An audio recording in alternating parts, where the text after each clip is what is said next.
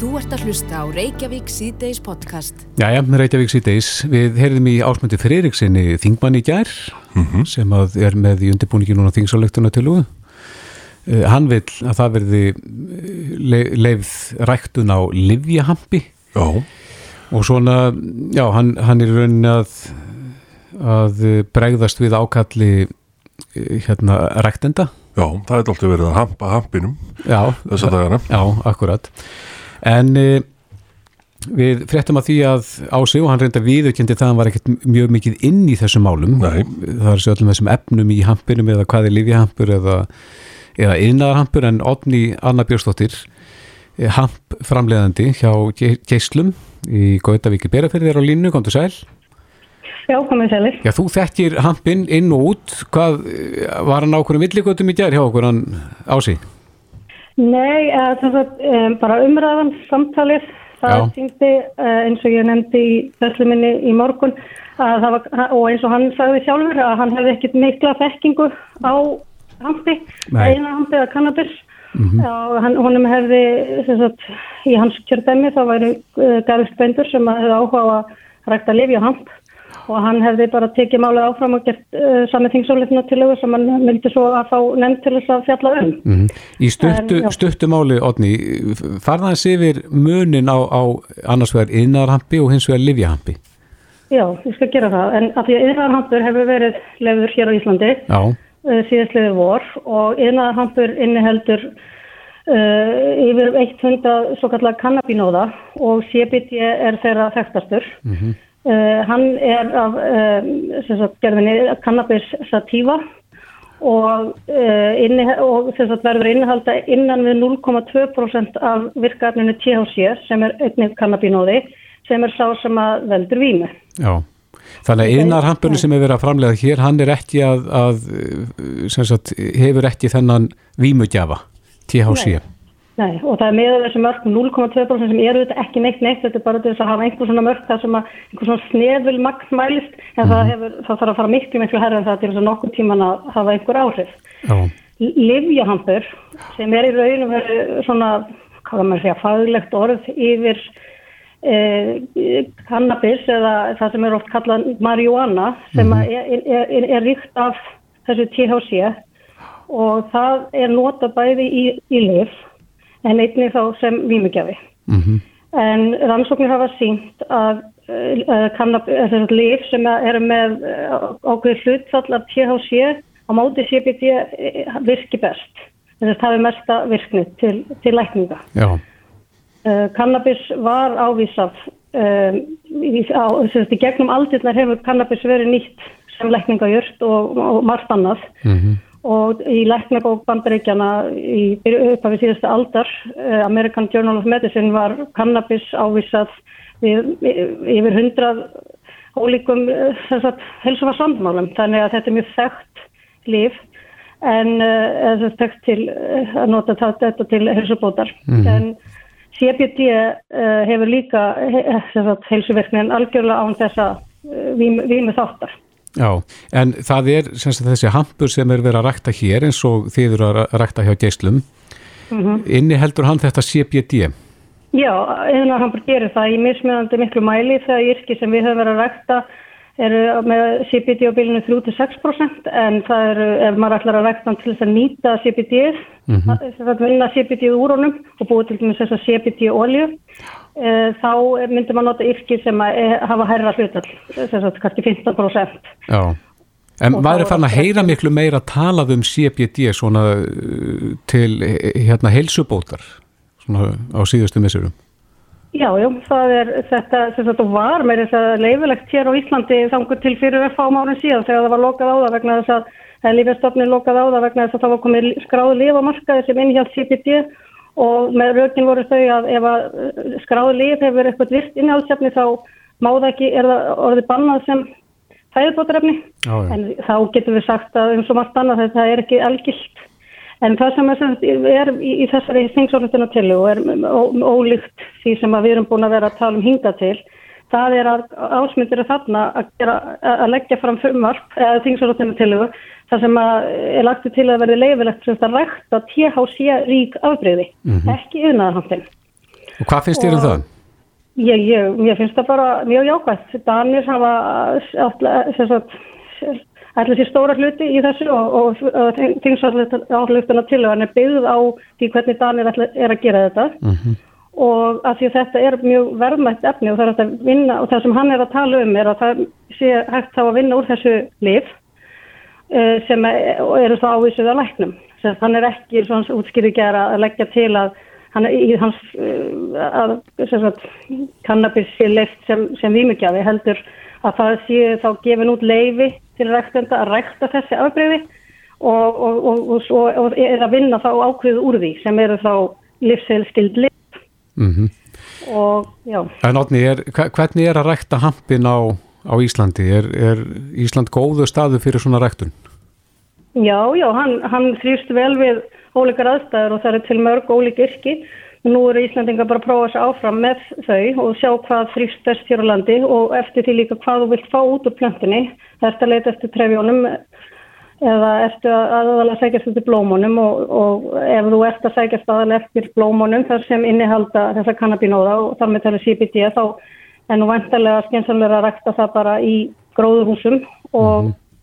Því að það er ekki eins plöntur sem er ekki eins stórar og og hérna þá getur haft mér að svona uh, kontrollerað umhverfi Já. og að því það eru miklu, miklu, miklu dýrari fræ en eh, eins og þið nefndu á þann þegar við tölum saman er sko píratar hafa sínt þessu máli mikið áhuga vegna þess að Haldóra Móhansson hefur í tvígang lagt fram sambarlegt frumvarp og mm. ásmyndir að leggja fram núna en fekk þá ekki stuðning í þinginu bæði árið 2007 og 2008 þessum um, um notkunn og ræktun Livi Hams Þannig að, en, en hún er líka með þingsalöftuna til úr í gangi sem er búin að vera til umfylguna hjá velferðanemnd og er búin að fara frá henni uh, þar sem er lagt sagt, til að CPT veru til intöku verði, löglegar hér á landi og aðgengi almenningsræðum verði gott. Já.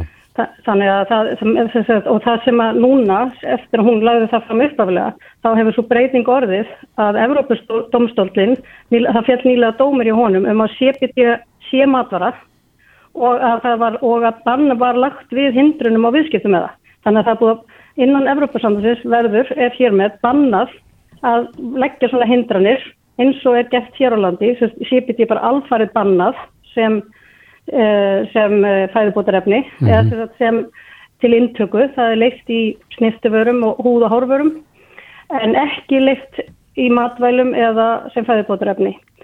Þannig að, að eh, það, það, og ég hef heyrst og hamfélagið sem ég, ég sitt í stjórn fundaði nýðverðið með uh, já, einstaklingu það sem að það er ráðamennum mm -hmm. og, og, og við heyrum að þetta mun breytast fljóðlega. Það verður ekki lengi, þetta bann, algjöra bann við CPT hér á landi uh, verður mun ekki standa lengi því að það, okkur er ekkert stætt á því þegar þetta er orðið svona staðan í, í Evrópu. Nei, og séru það fyrir að það verið farið að vinna CPT óli úr þessum viðnarhampi hér. Munir þið til dæmis gera það?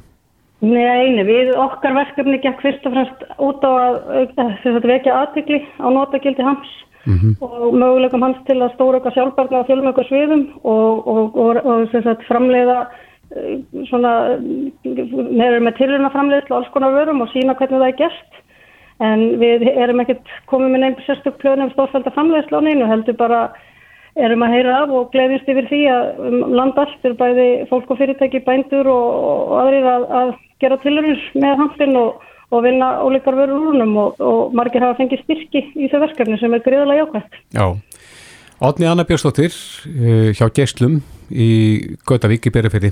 Kæra þakki fyrir þetta og góða helgi. Takk fyrir sömulegis. Þú ert að hlusta á Reykjavík C-Days podcast. Það er óróasamt í, í neðra hér á Suðvesturhorninu, getur við sagt þessa sólaringana, jarðskjáltartíðir og, og Reykjanesryggurinn eitthvað að, að ykla sig með ymsum hættu. Við erum nú verið að ganga til fundar við jarðvístamenn og, og heyra þeim hvernig þetta allt saman lítur út. Einn, kannski ekki möguleiki sem er í auksín en, en eins og oft gæti orðið að gósi hvar á sprungunni veit engin en, eða regnum en, en það eru ymsan getgáttur á lofti leiður okkur hins vegar til fundar við Þórarin Hjaldarsson umferðarverkfræðing með meiru sem á að baki langa reynslu í skipulegningu umferðar mannverkja hér og þar á höfuborgarsvæðinu en einhverjum er ekki og nú í Kópavogi. Þóra en nú að fara að tala um, um uh, flótta leiðir þannig gatnakerfi sem að sem að kemur að brán og sunnlegum notum þegar að gís og menn þurfa að yfirgefa sín heimili og svo framins þetta, þetta er svona hálf hróðalegt að segja þetta en þetta er bara svona. Já og í því sambandi þá dettur manni fyrst í auð sundabrödd sem að eins og veist hefur verið í umræðinu nýlega. Og uh, í sambandi við alla vá þá er náttúrulega örgur að hafa fleiri flotta liður heldur en færri. En uh, það er alltaf spurningin sko af því að hraunrensli hefur nú ekki verið mikið hérna sko í Reykjavík eða, eða, eða Kópói það er frekka sunnar, Garðabæ og Hafnafjörð og eh, það geta náttúrulega alltaf svona eitthvað gest eh, til dæmis sambandi við jáskjált og annað að hérna eh, semst að, að umferðamann virki jafnvel skemmist en manni finnst það þó ólíklegt. Mm -hmm. En uh, mér skilst að í sambandi við almannavarnir þá skipti nú ekki miklu máli að allir bílar geti komist út af höfuborgarsvæðinu á sem styrstund tíma. Því að það er svona það, það tekur mjög langan tíma svona, hvað ég var að segja, tæma svæðið af, af bílum. Og það er eitthvað nálega 200 bílar hérna á svæðinu og ef þeir ætlu, ef við ætluðum að hleypa þeim öllum hérna annarkvort upp á Helliseiði eða, eða vestur á land eða út á Þingvöld að þá tæki það marga klukkutíma mm. og hérna Þetta er svona, það er kannski vissar að tala við einhverja úr almannavarnaliðinu svona til að fá nánari skýringar en í stuttu málið þá er þetta alltaf örugar að hafa fleiri leiðir en færri en þegar við komum fjærborginni, að því að tala nú hann sundabraut, þá er náttúrulega flöskuhálsin hérna á kjallanesinu Þannig að nú er eins og menn vita verið að breyta veginu þar í 2 plus 1 og einhver tíma kemur að því að hún verið breytt í 2 plus 2 mm -hmm. og komin í göngundi kvalfjörðin. Sko þá er það takmarkandi þáttur þessar hvað ef við myndum hleypa vera með einstefni í báðar átti sem ég veit ekki hvort að það er raunheft út frá almannavarna sjón, sjónamiði. Mm -hmm en semst að það, þar kemur flöskálsin en auðvitað getur eitthvað komið upp á, í, á Vesturlandsvegi í Mósusbæ og þess vegna öðrugar að hafa sundabröðina við hlýðina mm. Er, er þið kunnum um það að, að menn hafi einhver tíma talað um þetta. Nú er eh, höfuborgin eh, Nes nokkuð viðfendt Nes og, og, og hún er svolítið einkennileg í læginu náttúrulega höfuborgarsvæðu, það er eins og allir vita en, en einhvern tíma rekum við minni til þess að menn hafi verið að, að, ræða svona tæmingar áætlun eins og til dæmis á, á ljósanótt eða eitthvað ámóta þegar 100.000 manns söfnuðu saman í miðborg Reykjavíkur en, en e, menn hafi ekki mikið verið að, að huga að svona, það er almannavarna að huga að þessu. Já og eins og ég segi sko að, að hérna menn reikna ekki með því að það þurfi ofta að sko hleypa öllum engabílum út af svaðinu á sem styrstun tíma. Að í flestum tilveikum ef eitthvað kemur upp á þá held ég að semst að íbúum verði leift að vera áfram á svæðinu en kannski þarf einhver tilflutning til dæmis frá siðstu byggðum yfir á aðra hluta í höfuborgarsvæðinu eða kemur haunrensli til dæmis við Hafnafjörðu eða Garðabæ eða, eða eitthvað svolíðis. Nú eða menn komið sér burtu án allra farartækja og egna þar með og, og farið sjóleðina? Já, þá er það kannski ekki gott ef það er vonað tsunami. Og þá er kannski betra að fara upp á helliseiði en að fylgja vesturlandsveginu þarna á lálendinu með fram á kjallanessinu og uh, það hefur verið uh, jú sumstaðar í, í námunda við, við uh, já á Reykjanesinu svona verið um þetta talað og ég tala nú ekki um þegar að, þegar að svona róstu samt er á vettvangi? Já, uh, síðan er náttúrulega spurning sko skiplagslega séð að hérna sko hvort það sé rálegt að fara freka með byggðina eða semst ný hverfi freka til nordus heldur en söðus eða austus ég ætla svo sem ekki að segja mikið um það en, en ég held nú að þetta þurfi nú ekki að hafa mikil áhrif því að sko við Íslendingar erum vanir því eins og vestmanningar síndu að þó það hafi komið eitt gós að þá vilja mér gætnan fara aftur á heimaslóðirnar og, og ég held að, að svona vá á Reykjanesi þurfi nú ekki að stoppa uppbyggingu á nesinu. En það er kannski þáttur sem að það þarf að taka með í reikningin þegar menn er að svona spá í hvar sé álitlegast að, að byggja upp Þóra Hjaldarsson, verðfræðingur Alltaf gaman að tala við um umfyrðamál, kæra þakkir. Já, takk sem bliðis. Hlustaðu hvena sem er á Reykjavík C-Days podcast. Reykjavík C-Days, jörð hefur skolvið Já. undir okkur hérna og margir hafa fundið þessa stjálta sem hefur upptökk sín við Grindavík mm -hmm. og á því svæði á Reykjanesunu. Já. Og uh, sumstar hafa hlutir fallið um koll. Já, maður stóð, stóð nú sjálfa sig að því bara í gæra að færa hluti aðeins innar og heilurnar og og ég vil taka eitthvað niður Einmitt.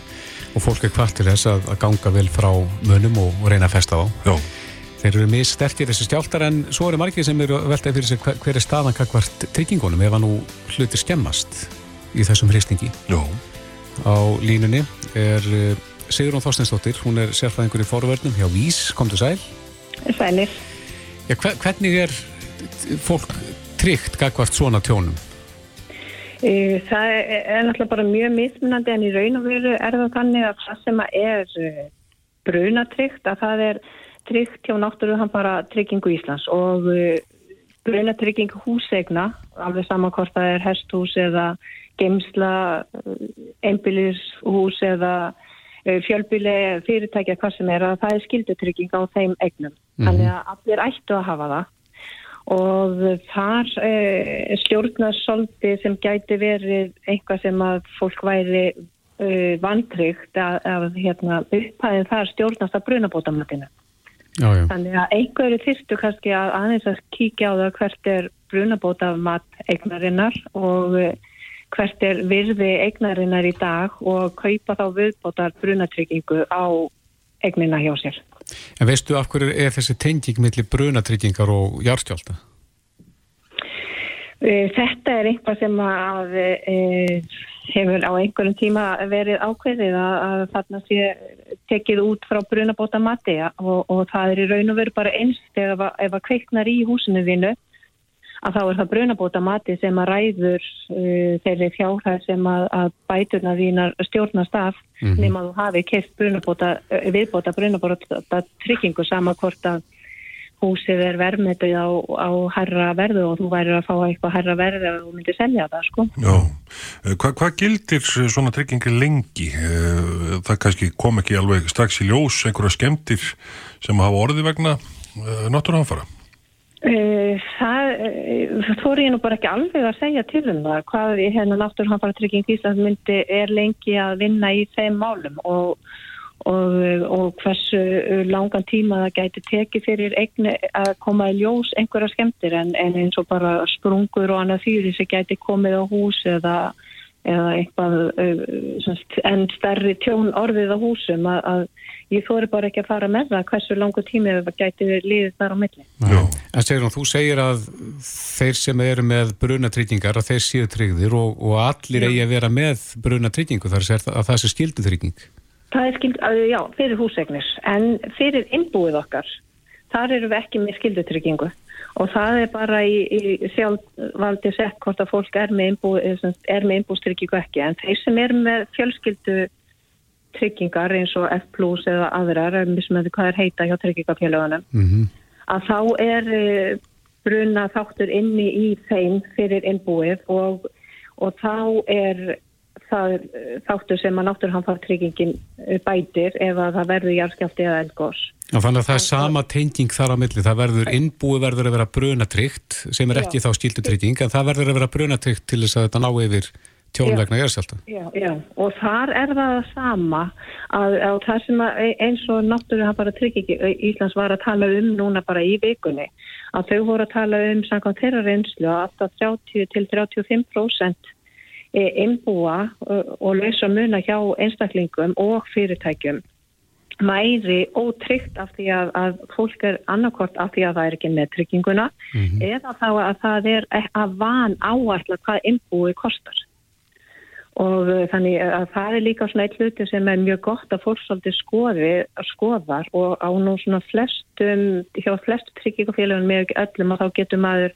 setja bara með því að skrá sig inn á innra svæðið á viðkomandi heimasíðu hvað inbúsvermætu er hjá, hjá manni. Og eins líka eru viðmiðunartöflur eða reikni vélar á heimasíðunum sem að þú getur séð út frá bara og fyrir stærð egnarina minnar. Og, og hvað eru margir sem eru í, á heimilinu og svo bara svolítið að horfa á er ég með mjög dýra e, málverk eða annað því sem að kannski er meira en það sem er á svona hefðbundnum kannski heimilum en maður getur sagt svo. Mm -hmm. að, að þetta er eitt af því líka sem að fólk har svolítið að skoða upp á að vera ekki vantryggt. En þetta er eitthvað sem að, að þau voru að benda á í hérna vikunni og voru að hvetja fólk til að skoða. Og við einmitt vorum að senda út á okkar viðskiptavinni í gær og, og byrja þá um að skoða þessan hluti. En eh, hafa margi sett sér í samband við ykkur núna eftir að þessi stjáltar hérna hófst og tilkynnt tjón? Nei, ekki vera til kynna tjón en, eh, eh, en það eru töluvert um að fólk er að ringja og, og spurjast fyrir og, og, fá, og reyna átt að segja á því hvernig er ég tryggð og er eitthvað sem ég þarf að gera til að bæta mína tryggingar. Já, þannig að þetta er að svona aðeins að íta við fólki. Já, það er að íta við fólki og eins líka að það er alveg íta við fólki og fólki er svolítið að spá hvað get ég gert til að auka öryggi inni á heimilinu og hérna og uh, bæði út frá því að festa skápa ef að þeir eru lausir eða lausa mun upp í hyllum og, og þess að það er að fólk er mhm. svolítið að spá í þessa hluti og líka bara svolítið að spyrja fyrir hverju er þessi rétti viðbröð ef að verður járstandi, hvað ég að gera? Já, en ef að verður tjón á að hafa samband við ykkur eða ykkur þannig? Nei, það er náttúrhanfara trygging Ísland sem að og það er bara inn á þeirra á fórsíðinu hjá þeim, það er nappur sem að þú tilkynni tjónin og, og þannig að, að þú tilkyrðu þar inn. Það er eiginlega sko, langflestar, langflest tjónin og tryggingarna sem fara þangað inn. Það er svona einstaka kannski ef þú ert með lausafjártryggingu uh, hjá úst, hérna, uh, tryggingafélagina gæti verið eitthvað svona einstaka sem að væri þannig hjá tryggingafélaginu sjálfur en uh, langflestar ef ekki allar þessar tilkynninga færu inn til náttúrhanfara tryggingar. Segrún Þorstensdóttir, sérfræðingur í forvörnum hjá Vís. Kæra þakki fyrir þetta. Takk sem er leiðis. Reykjavík síteis á bylginni. Jæja, Reykjavík síteis. Það er mikil umræða blossað upp, eh, upp á síkastið eh, eftir að eh, rauðagerðismáli kom upp. Já. Um skipilaða glæpastar sem á Íslandi og það eru fjálmarkir í haldi núna vegna þessa hróðalega máls en uh, vísir.is greindi frá því í gær og gerir að frétta efni þessa þennan pistil áslegar Örnir Sigurbjörnsdóttir dónsmálar á þeirra sem hún reytaði í morgunblæðið þar sem að hún segir að laurugluðvöld telja að alls séu 15 hópar sem tengjast stípilaður í glæpastarðsemi sem eru starfandi hér á landi. Mm. og glæpastarðsemi einskórist þó ekki við Ísland heldur tegjum ákvað sinna ansi víða. Já. á línunni er viðir Eithór Víðesson eh, öryggis og laugjæslu fræðingur hjá Lótur Átjú, kom til sæl. Ná, sælur kemur þetta þér á óvart þar að segja þessi fjöldi af þessum stiplöðu hópum?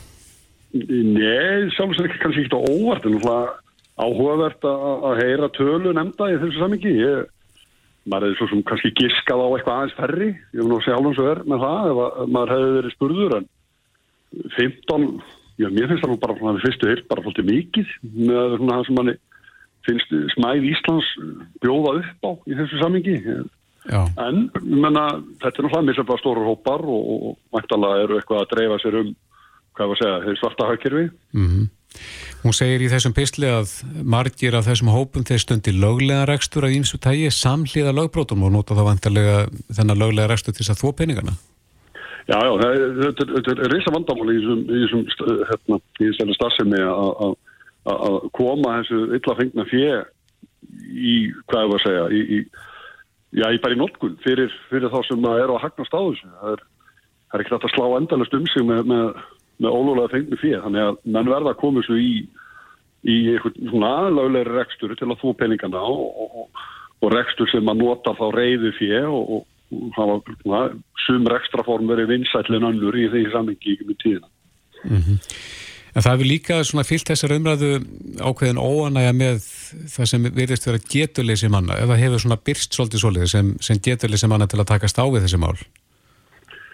Já, sko, ég held að Áslu Arnarnar hún er að vekja, dómsmálráður er að vekja aðtikli á þessu réttilega held ég, þetta er allra vörum eins og, þú varst að nefna á hann og þetta er, alveg hræðilega ljót byrtingamind af svona, því sem að getur orðið í þessum, í þessu, þessu, þessu hvað var að segja, í þessu hagkerfi í raunni að þá hérna, þá er þetta einn byrtingamyndin af þessari valdabaratu sem verður þessi stað og Áslu Arna held ég sé að, að, að Ég, hún er bara að byggja um, ég held hún sé bara að byggja um meiri peninga. Ég held þetta snúist ekki um gáfur eða tækju tólbeint eða hver eru betri að klárari.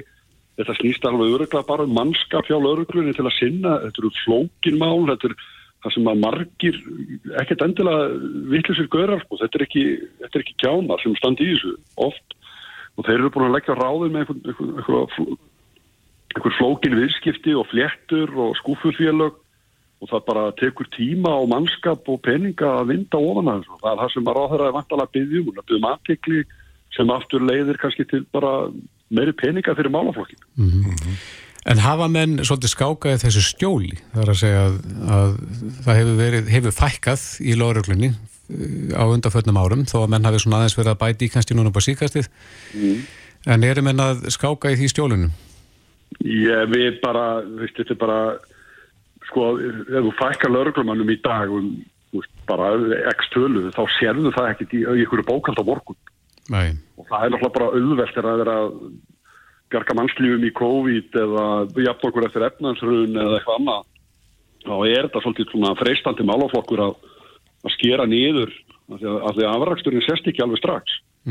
En, en það er svona bara eru viðkendar tölur annar staðar frá og hvað þarf marga lauruglumenn að hverja þúsund íbúa og, og Íslendinga þó við búum í fröðsum með landi þá þurfum lauruglu og, og, og hún þarf mannskap og, og tæki og þjálfun og annars líkt þannig að við erum undumönnum hérna. Já.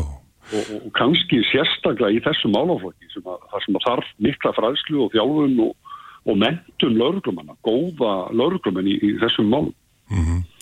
Eh, Þú talar um uh, tæknina uh, og, peningasæla það hefur einhverjir nefnt að að leggja af peningasæla og það geti verið eitt vopn í þessari baráttu Já, já, ég held að það geti alveg örgulega verið vopn í baratunni en það bara verður flóknar að, að, að eigða ólöglegum peningum þegar, fjármunum og verðmættum þegar að komið allt í ræfanætt form. Já, Við innaflega erum lögreglanir sjálfur sér í eðli sínu kannski svolítið svona stofnum sem að er, er, er að reyna að verða undan en, en, en er kannski svolítið á eftir líka að, grípa inn í hlutina sko þegar það eru orðnir til. Hvers konar glæparstarfsemi sem það er. Þannig að þeir vættalega fara þá bara á einhver önnur mið og fara þá bara að versla með aðra önnur verðmæti, gull eða silfur eða eitthvað slíkt sem að peningar er ekkert eina verðmæti í heiminum en jú, þetta myndi alveg örglega hjálpa og hefur sennilega hjálpað um öll þessi, þessi, þessi rafvæðing fjármanna núna í síðustu, hvað, 15-20 ári Já. En þú segir að uh, lögreglan þurfi sem sagt mentun, þeir þurfa að, að auka þekkingu sína. Á hverju þá helst? Ég ætla að sé ekki bara í þessum efnahagsbrotum, ég menna að þetta er, þetta er farið að snúast um, þetta er ekki lengur kannski eins og var snýrist meira um að ná manneskjum og, og, og þekktum einstaklingum sem að, sem að slóu kannski um sig hérna nýra á Keisara og Monte Carlo eða Monaco og, og, átt allt í einu pening á þriðutegi skilju og, daginn eftir inbrott eða eitthvað slík. Þetta er orðið miklu miklu flóknara. Þetta er orðið bókalsbrellur, menn eru með endurskoðundur í þessu, menn eru með lagfræðinga á sínum vegum og, lögregna þannig að bara líka að- hlaða í í svoleiðis úrræði þá vantalega á móti að- menn séu með fjölbreytta mentu, fjölbreytta bakgrunn háskóla mentu og sviði bara sem tengjast eh, bara viðskiptafræði og, og tölvunafræði og annars slíkt þannig að það er svo mentu líka sem að, sem að kemur sér vel þegar að fara að taka þess að gauðra á göttunni. Já, það er náttúrulega gömul sannindi að elda bara peningana, er það kannski eina Já, leiðin? það verðist vera bara það sem að virkar best. Því það er það sem að verður til úr þessu. Það eru mjög mikið af peningum sem að getur verið erfitt að, að koma í, í, í svona heilalegri nott. Já. En Eithor, þú ert eh, mentaður og sóttu þína mentun í laukislufræðin til bandaríkjana, þar sem að menn eru nú vanir að takast á við stipulaða stafsemi. Já, já, já. Það, þetta er hérna, þetta er náttúrulega gummul sá ný þar sko, verður til svona í kringu þegar brennifina að banna þarna í kringu 20 og eitthvað, Alka Pón og félagar.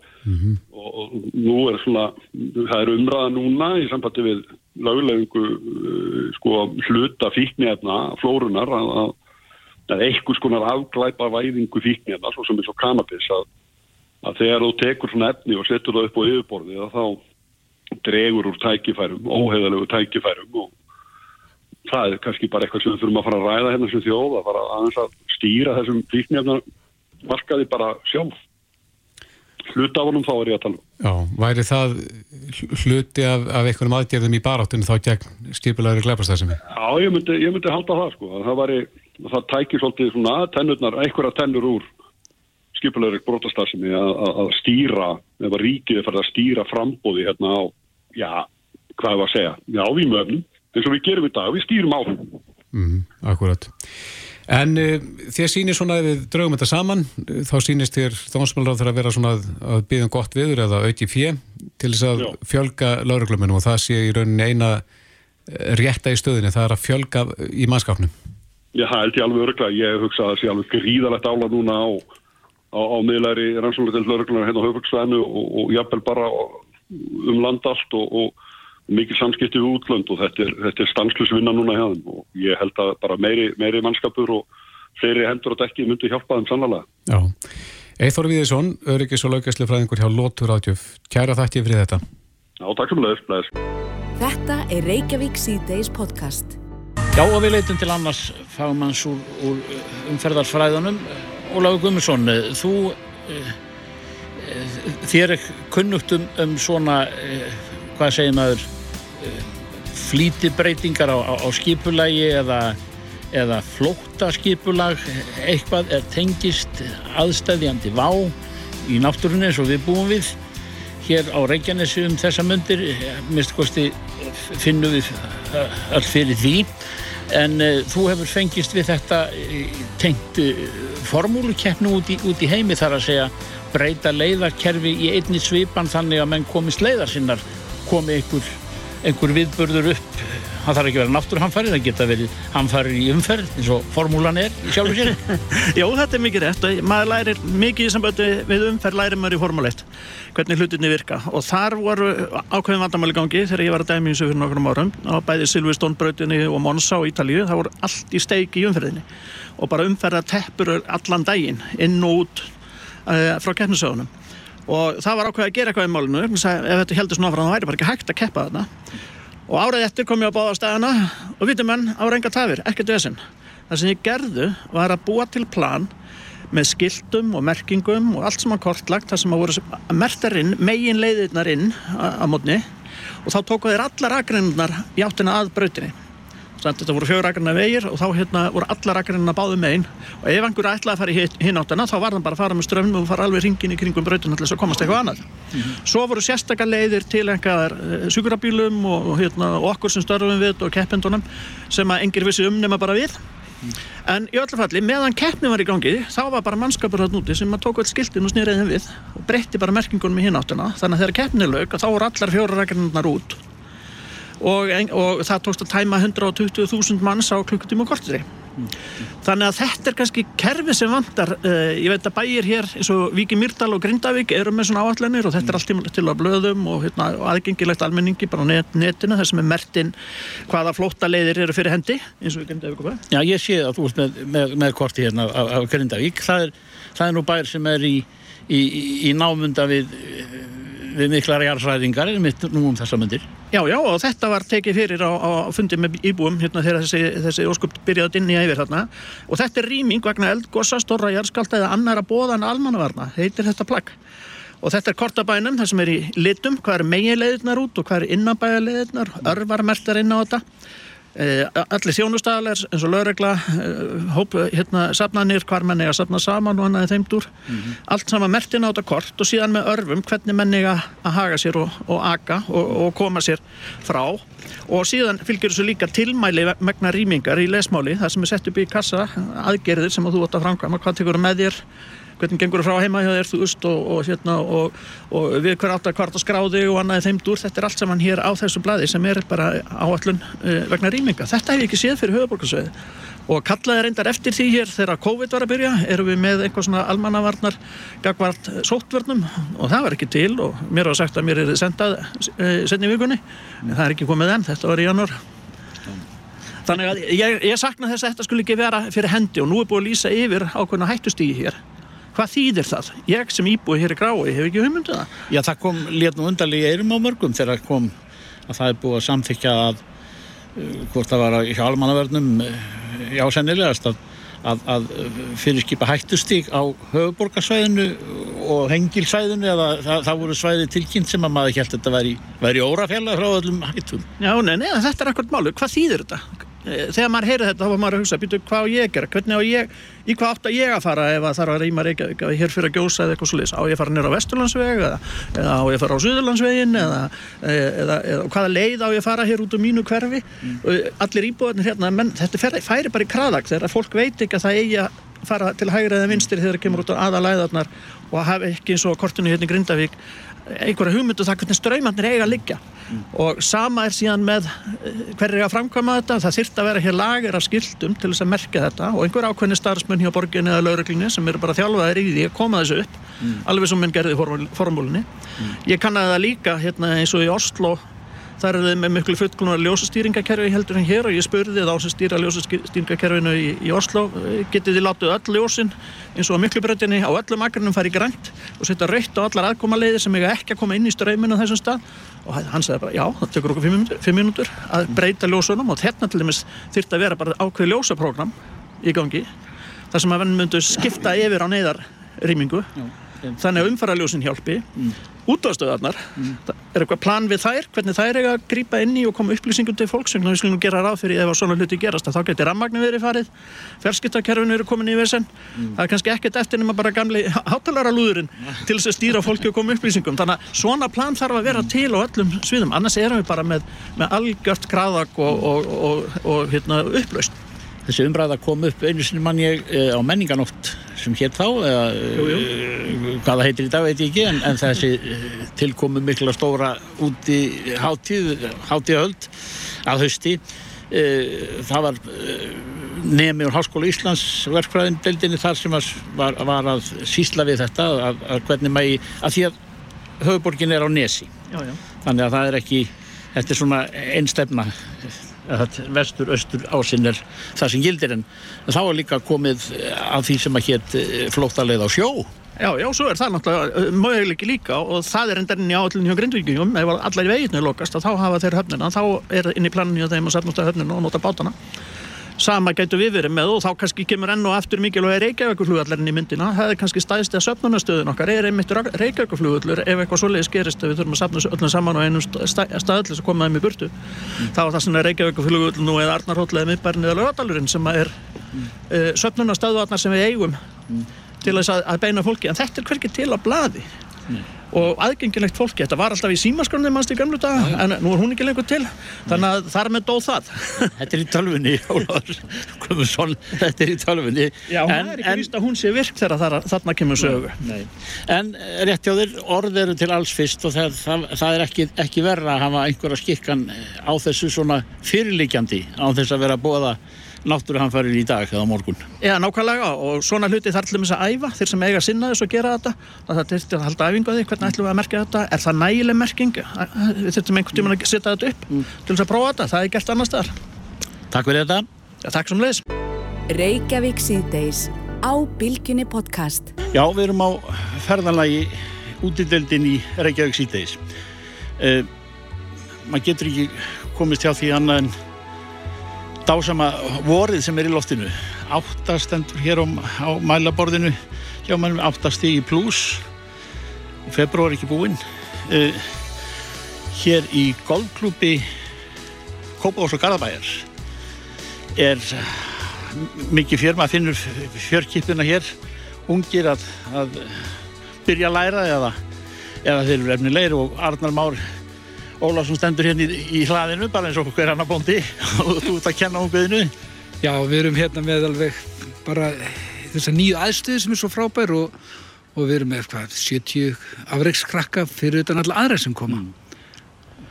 februar ekki liðin og, og, og, og það er bara mætt að voru æfingarnar Já, þetta er indislegt. það er margir sem eru úti að spila og njóta, njóta góða viðursins. Við erum komin í baráttum að fá, halda fólkin inn í okkur en Já. þetta er gott. Já.